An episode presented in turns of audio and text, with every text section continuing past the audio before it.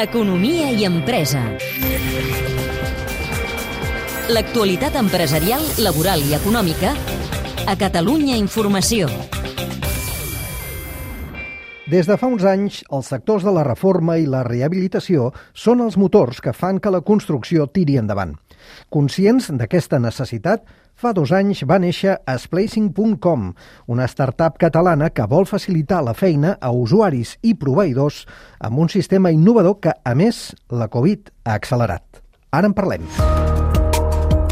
En el sector de la construcció, l'habitatge nou ha passat a un segon terme i estem en un moment en què la població vol millorar tant el seu habitatge habitual com el seu negoci.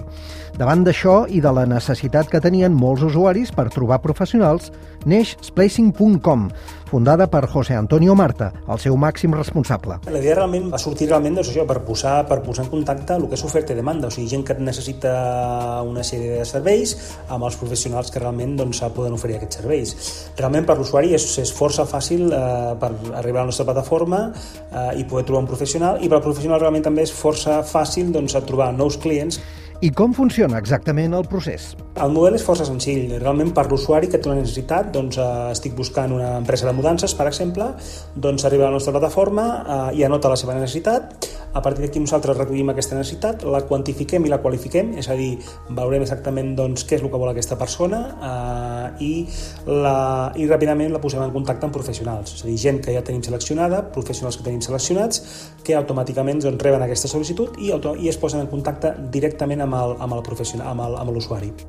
I en aquest procés, lògicament, la idea és aportar avantatges tant per a l'usuari com per al professional. Des del punt de vista de l'usuari, eh, la persona que, que té la necessitat realment li suposa algo relativament ràpid i àgil el poder contactar amb una plataforma, és a dir, no té que anar directament a trobar aquests professionals que moltes vegades són, són complicats de trobar i que van liats i que, i que realment, doncs, eh, realment estan moltes vegades saturats de, de, de feina. Per la part professional, doncs també, també la part de facilitat també és fàcil, és a dir, trobar clients, o sigui, no tens que agafar el cotxe desplaçar-te, eh, perdre temps, eh, esperar, vull dir, no, tens una plataforma, accedeixes aquí, et dones alta, et registres, gratuït, petita subscripció i a partir d'aquí eh, doncs, via, via lliure per, per comprar clients, no? Placing.com, amb seu a Mollet del Vallès i amb un equip de 5 persones, va néixer el juliol del 2019, 8 mesos abans de la irrupció del coronavirus, cosa que marca, sens dubte, un abans i un després per als usuaris, però sobretot per als professionals, com explica José Antonio Marta. Pensem que han tingut que viure, aquests professionals han tingut que viure com a la seva tasca que diàriament doncs, agafar el cotxe, anar a visitar, anar a veure, s'ha trobat totalment, totalment tancada i tallada, precisament pel Covid, i nosaltres una mica el que hem intentat fer això, aquesta, aquesta feina que fins ara la feien en, en model tradicional, doncs poder traspassar-la amb una pantalla que des de la pantalla realment puguin fer tota la seva feina, puguin realment accedir als clients i que realment puguin acabar tancant operacions eh, simplement amb una pantalla i un telèfon. Nous temps i noves necessitats que van fer que Splacing.com, en plena pandèmia, la facturació creixés un 35%, el nombre d'usuaris a la plataforma un 42% i que assolís gairebé 2.000 usuaris registrats. Per aquest 2021 preveu incrementar les vendes un 400% i generar als seus professionals un volum de negoci de 2.300.000 euros.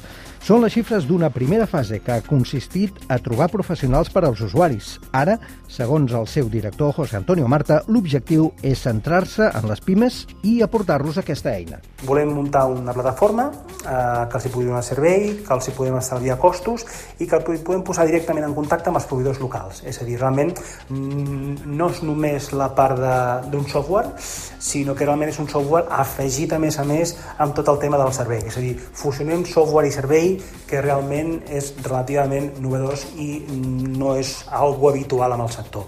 Volem, volem continuar aportant i disruptim amb el sector aquest tan tradicional. I un cop validat aquest exitós model a Catalunya, Splacing.com, amb més plantilla, es proposa portar-lo més enllà i ja pensen en Madrid. És un reportatge de Carles Prunera amb el muntatge musical de Luis Ángel Alonso. El teniu disponible al podcast de l'Economia i Empresa.